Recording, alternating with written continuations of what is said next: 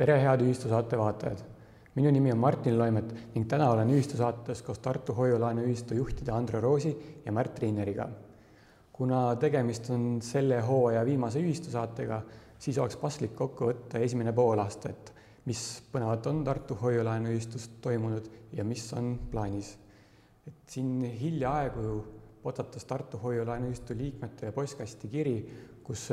tutvustati uut teenust, milleks on arvelduskontode teenus et Andro, võib-olla sa räägid natuke lähemalt, et siis mida ühistu liikmetele uut pakutakse? no tervist kõigile saatevaatajatele, tere sulle, Martin. ega kui sa niisuguse sissejuhatuse juba teed ja räägid ära, et mis siin juba siin olnud on, et siis on väga raske öelda, et, et mis siis veel on olnud ja, ja ma arvan, et kindlasti sa küsid ka seda, et mis veel siis tulemas on Küsin. tulevikus, aga no sinna me jõuame ilmselt saate lõpus Äh, siis jah, eks see arveldusteenuste avamine, see on nüüd kauaoodatud lapsuke. ma mäletan seda, et kui ma kahe tuhande kaheksateistkümnenda aasta jõulupeol ütlesin, et kahe tuhande üheksateistkümnenda aasta alguses kohe-kohe me avame arveldused, sellest on sisuliselt juba kaks aastat möödas ja enne seda me tegime kõvasti nagu niisugust arendustööd, meil oli internetipangad, asjad olemas, noh, liikmed teavad, saab hoiusejääke vaadata, avaldusi esitada, ja ka see arvelduste pool oli olemas, aga seesama vana jutt, et see bürokraatlik asjaajamine eh, noh, alguses Finantsinspektsioonilt tegevusloa taotlemisega, lõpuks eh, Leedu keskpanga, kes meil neid arveldusi siis korraldab, kelle kaudu või mille kaudu meil need rahad liiguvad, asjaajamine ja lõppkokkuvõttes see, et timmida paika siis tehnilised lahendused ja asja toimivus, ütleme siis meie süsteemi ja Leedu keskpanga süsteemi vahel seal on üks toru veel vahel et sellega, nii et osapooli on väga palju, aga lõpuks saime nendest bürokraatlikest asjaajamistest jagu,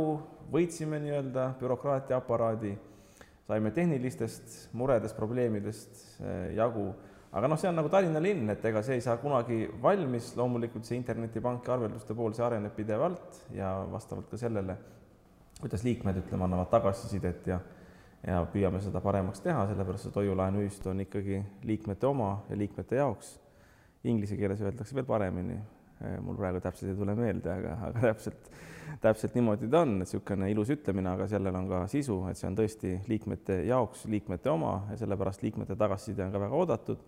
aga nüüd lõppkokkuvõttes vastates sinu küsimusele, jah, arveldusteenused said avatud, nüüd liikmete jaoks on see kasutatav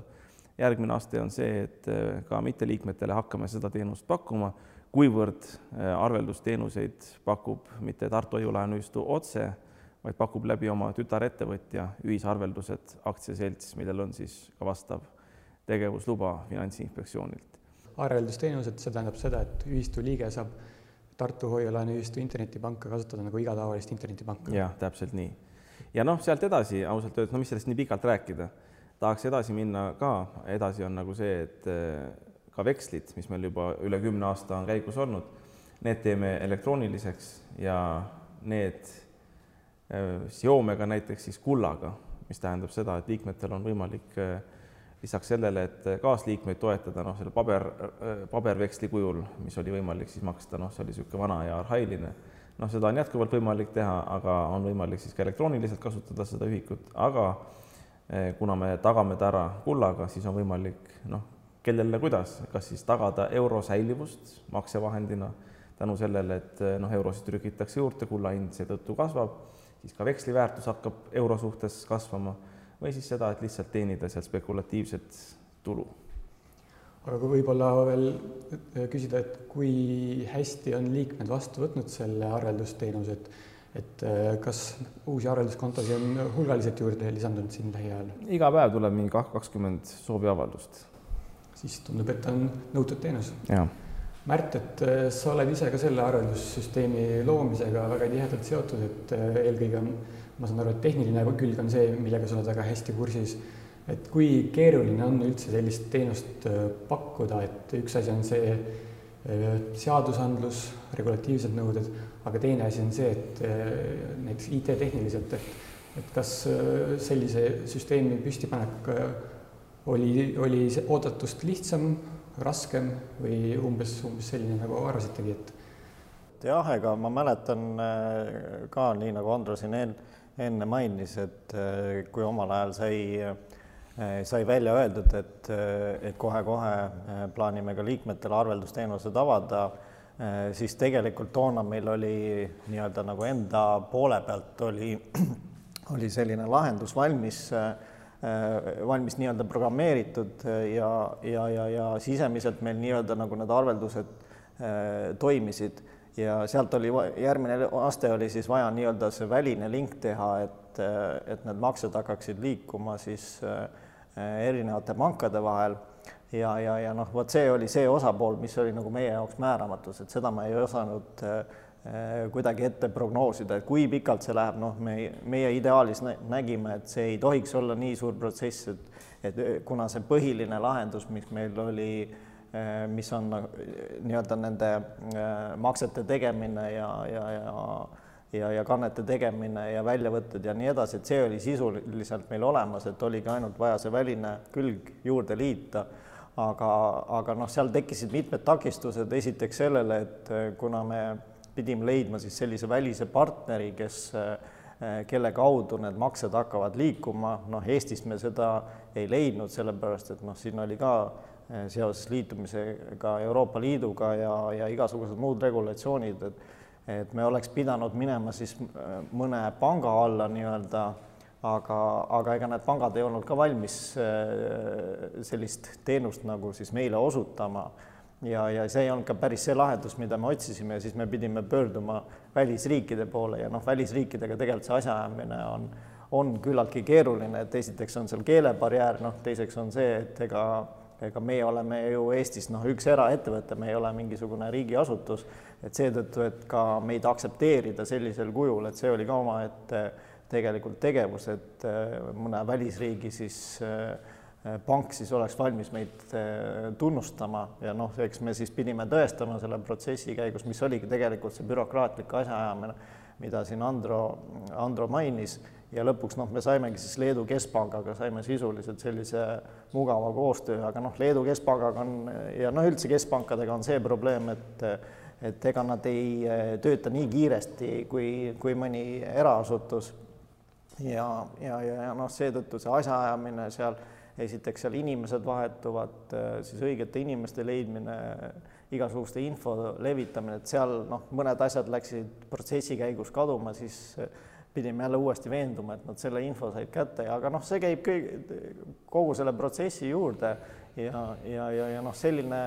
selline tehniline pool, et ütleme nii, et ta ei ole tehniliselt äh, keeruline, et kui ma võtan nüüd kokku kogu selle asjaajamise, et siis see ei olnud tehniliselt keeruline, et võib-olla kõige keerulisem osa,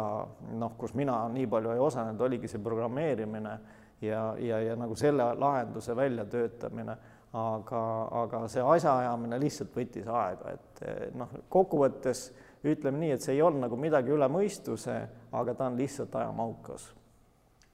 Aga millised on lähiaja plaanid, et tegelikult ühistu liikmed on kogu aeg küsinud internetipanka, internetipanka, nüüd on see olemas, nüüd kindlasti tulevad järg-, järgmised küsimused, et et kas, kas hetkel juba näiteks välkmaksed töötavad või? teate, ega noh, ma siin ütlesin, et kakskümmend sooviavaldust tuleb päevas ja avatakse neid kontosid. Aga tead, mõni avab sellepärast ka konto, et vaadata, et kui lolli lahenduse Andro ja Märt on teinud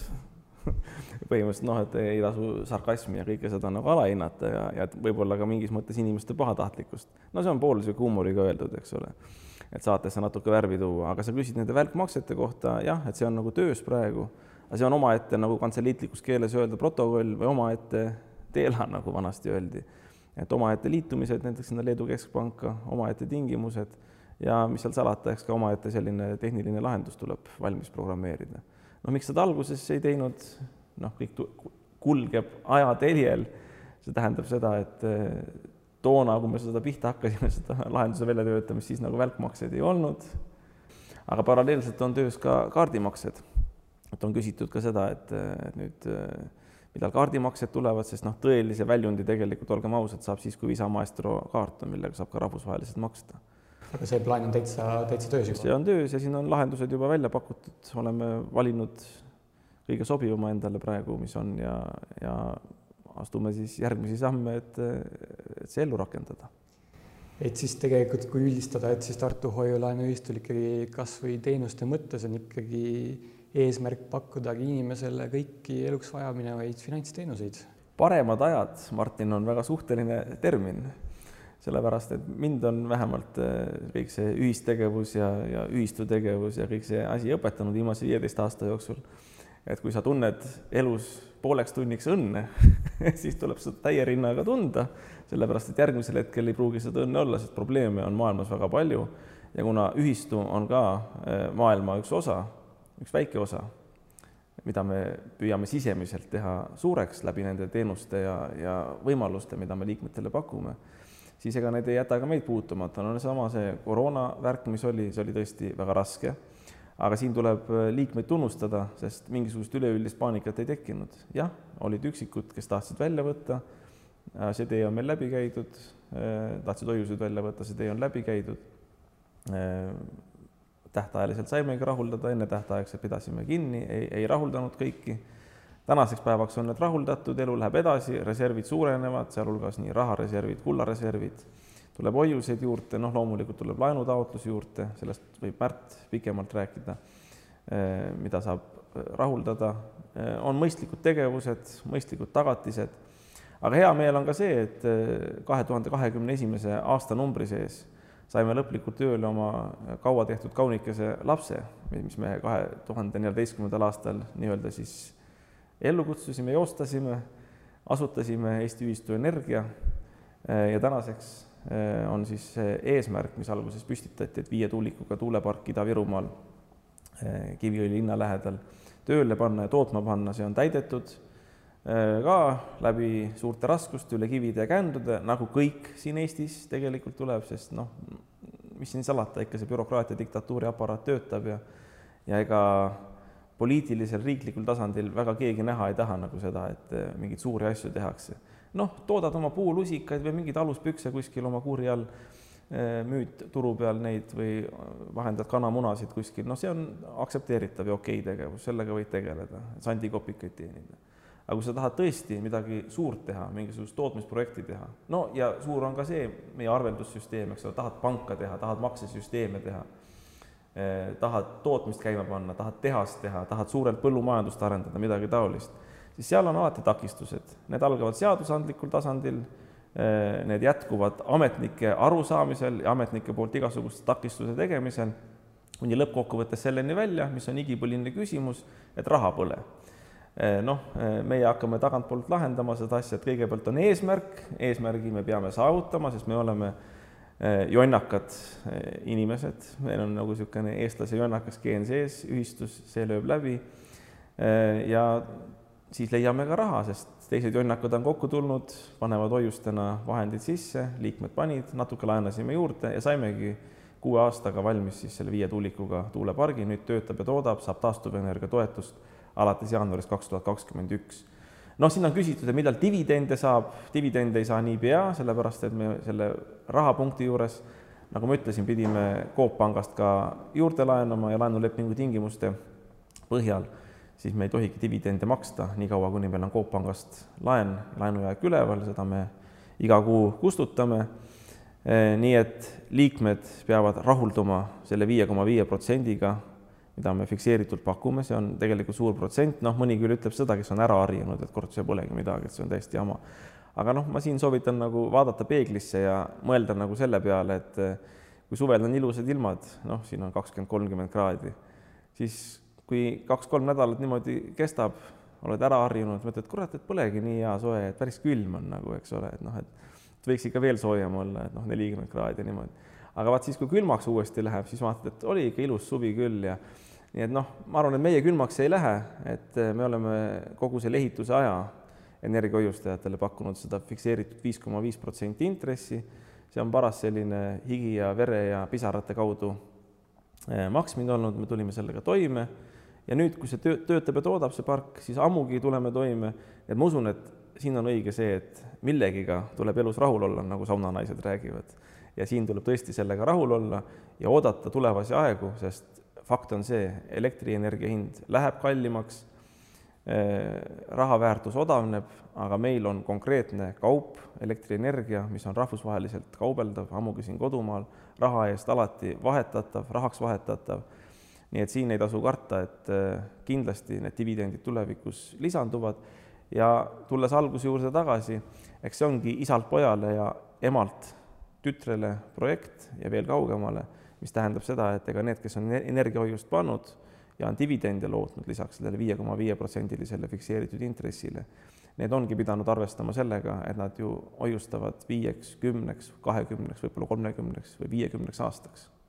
See on hea, et sa selle teema välja tõid, sellepärast et eh, energiaprojekt on ka selline asi, mille kohta kogu aeg küsitakse. Aga põhimõtteliselt me saame siis öelda, et eh, investeeringute mõttes on ühistuenergia tuulepargi projektile joon alla tõmmatud, et nüüd on lihtsalt püsiv hooldus, sinna kindlasti tuleb kulusid, aga, aga et eh, suures plaanis on investeeringutel joon alla tõmmatud. tähtis on see, et see majandab ennast ise ära, nii et ise majandav ühistu. väga hästi. aga Märt, enne rääkisime hoiustest ka, et räägime natukene põgusalt laenudest ka, et et milline ühistu liikmete finantsolukord on praegu, et kas et me oleme varasemates saadetes ka rääkinud sellest, et mõned inimesed kasutasid maksepuhkuseid ka, kuigi tegelikult neid väga palju ei olnud. Aga kuidas sa näed nüüd seda, et ühistu liikmete äh, laenukäitumist praegu, et nüüd on reeglid on laias laastus maha võetud igasuguste ürituste korraldamistel, et milline olukord tundub sinu jaoks? no ütleme nii, et et osad, kes, kes siis seda maksepuhkuse võimalust kasutasid äh, Äh, on ka täna siis nii-öelda selle teise laine jaoks kasutanud veel siis korra seda võimalust, mida me oleme ka võimaldanud. Ja, ja, ja üldiselt on, on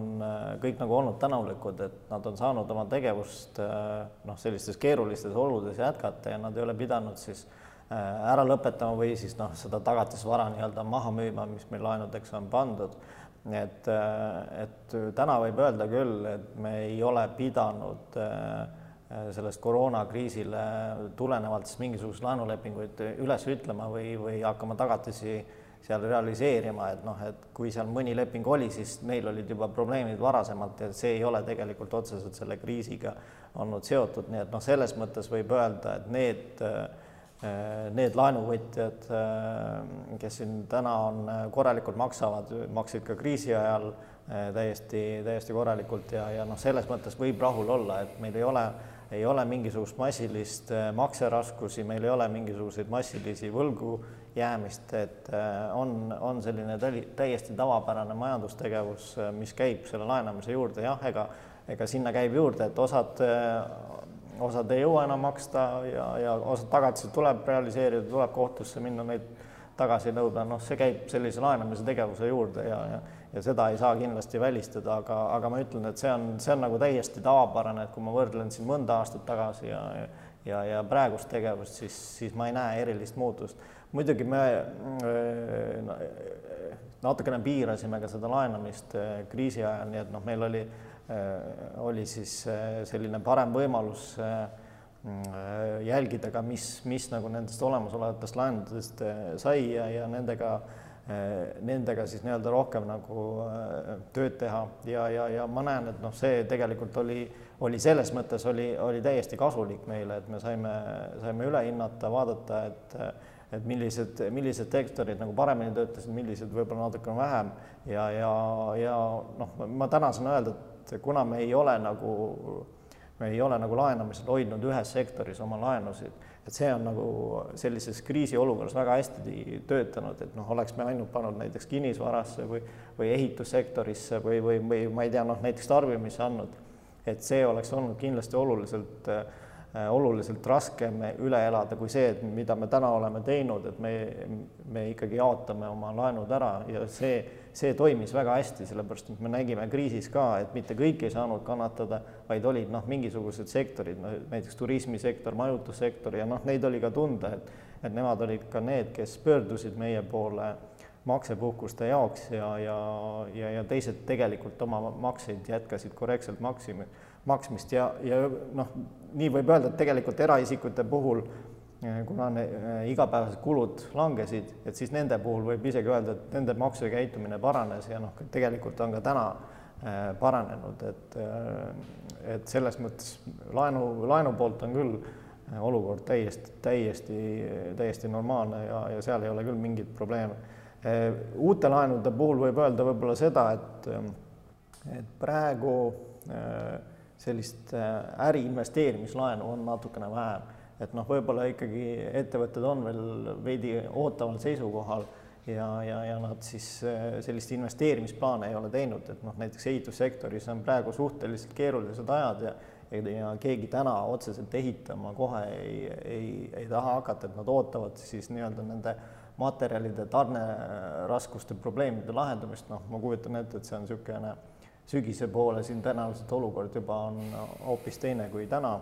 Ja, ja, ja noh, võib-olla siis on edasi lükanud seda laenu taotlemise protsessi, aga, aga eraisikud ikkagi taotlevad, et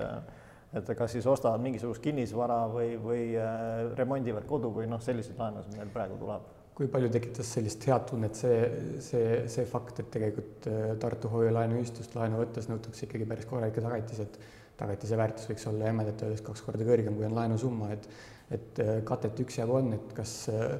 tagantjärele mõeldes on hea tunne ka, et ikkagi need reeglid on päris karmid, et võib öelda küll, sellepärast et, et noh, tegelikult on see ka mõnes mõttes parem olukord laenuvõtjale, et täna ma vaatan ka, et tuleb laenutaotlusi tuleb sisse, kes, kes siis tahab noh, nii-öelda üle selle poole tagatise väärtusest laenata ja siis ma vaatan tegelikult tema sissetulekuid, et see, see ei olegi alati mõistlik, et et laenuvõtjal endal on ka kindlam, kui tal on on kindel kate sellel laenul taga, et noh, midagi juhtub, siis tagatis lihtsalt realiseeritakse ja, ja tema saab ka veel mingisuguse oma osalise raha, et saab sinna alustada äh, kas siis tegevust nullist või uuesti või ükstapuha, eks ole, et noh, ta saab ikkagi mingisuguse stardikapitali, ta ei jää päris tühjade kätega. et kui ma võrdlen täna näiteks selliseid noh, eluasemelaenusid, et seal see riski osa on, see katteosa on väga väikene ja tegelikult see risk just selle kinnisvara hindade kõikumisel on, on päris tugev ja noh, kui me täna võtame ka neid kinnisvara hindasid et siis nad täna on kindlasti äh, päris kõrgel tasemel ja, ja siin võib lähiajal tulla ikkagi mingisugune korrektsioon, et need langevad ja, ja noh, kui sul see kate on seal madal, siis tähendab ka seda, et sa võid olla olukorras, kus äh, tagatis ei kata laenusummat ära. jääd varast ilma ja võlg jääb ikkagi alles osaliselt. täpselt nii, maksad surnud hobust, nagu vanasti öeldi mm kui me tänases saates siis räägime ka ühistu tegevustest üldisemalt, siis Andrut võib-olla natuke räägid lähemalt, et Eesti Ühistu Mets on äh, Tartu Hoiu-laenu ühistu tütarettevõte, mis tegeleb metsandusvaldkonnas, ka selline suurem ettevõtmine, et äh, ettevõtte tegevus praegu on ja millega tegeletakse? Äh, kasvavas ja tõusvas faasis, nagu aastakümneid on öeldud, aga see on ka tõsi meie puhul, sest me ostsime uue katla, ostsime uued kuivatid ja kõik sinna juurde kuuluvad süsteemid ja sellega me tõstame tootmisvõimsust veidi rohkem kui kaks korda. ja tellimused on ka seal taga, on isegi juba ettemaksud tehtud, nii et no ausalt öeldes saime eh, täiendavate tellimuste ettemaksude pealt isegi finantseerida selle täiendava tootmisvõimsuse eh, investeeringu eh, summa, mis vaja oli. ja partnerid on ka juurde tulnud, et kõikidesse Põhjamaa riikidesse sisuliselt suurem osa siis lähebki ekspordiks? Läheb ekspordiks, jah. no selle eest on meid ka kritiseeritud, et mis rahvuslik ettevõte olete, kui te oma inimesed jätate küttepuust ilma. aga samas, nagu ma enne ka ütlesin, eh, me oleme paraku väike osa maailmast ja mis seal salata, ka täna veel väike osa Eestist. Eh, ja meie ei saa kanda neid sotsiaalseid funktsioone, kõige tähtsam on nagu see, et majanduslik aluspõhi ehitada ühistule. ja noh, ei ole saladus, et eh, eksportides on võimalik saada rohkem rahatulu, maailm on rahapõhine, raha on meil vaja, noh, eeskätt ka selleks, et eh, laenajatele laenusid väljastada, eh, neid võimalusi rahuldada, hoiustajatele intresse maksta, ühesõnaga, et meie liikmed oleksid rahul. Eh, ja rahulolu tekib inimesele siis, kui tal on raha mitte küttepuid. tegelikult see võiks olla vastupidi, eks ole, et inimesed koguvad pensioniks ka raha, kuigi ega nad raha pensionäridena sööma ei hakka, nad tarbivad ikkagi elektrienergiat ja soojusenergiat ja küttepuid ja toitu ja, ja riideid ja kõike seda, mida nad tänagi tarbivad. aga noh, sellest ei saada üldiselt aru, meie ühiskond on nagu selles mõttes kallutatud ja mis meilgi siin teha, et me ka toodame raha selles mõttes ja kuhu on võimalik äh, rahalises mõttes kasulikumalt müüa sinna me müüme ja kui me tulevikus kasvame nii vaimselt mõistmise osas kui liikmete arvult, liikmete mõistmise osas ja ka jõukuselt, eks me siis saame hakata mõtlema selle peale, et aga võib-olla tõesti on mõistlik teha nagu sellist ühistegevust, et noh, mis me siin kalli hinna eest ekspordime küttepuid ja siis raiskame oma Eesti metsa selleks ära, et kuhugile Norra näiteks küttepuud toota ja siis sealtsamast Norrast tagasi osta eh, kallist mööblit näiteks või midagi. Et noh, tekib see arusaamine, et võib-olla koondume ühistegevuseks ja, ja väärindame seda metsa siin nagu mööbliks ja ja saame nagu lõppkokkuvõttes taskukohase lahenduse. et see on ka loomulikult väga kauges tulevikuplaanis eh, nagu silme ees ja tegelikult noh, see on lõppkokkuvõttes ka poliitiline teema, et see tuleb riiklikul tasandil lahendada, et seda me võib-olla siin päris majanduslike hoobadega ei saagi lahendada ainult.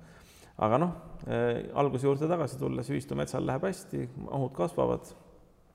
ka inimesed saavad tööd. noh, me oleme ka selles mõttes mingis mõttes nagu patused mõne arvates, et ei ole niisugune rahvuslikud, et pooled meie töötajad eh, Viljandimaal tööstuses on eh, ukrainlased, noh, sellest võib-olla mõni materdab nuudiga, et vaata, kus kaabakad ise nimetavad ennast ühistegelasteks ja siis toovad võõramaalasi siia tööle, võtavad eestlastelt töö ja leiva ära.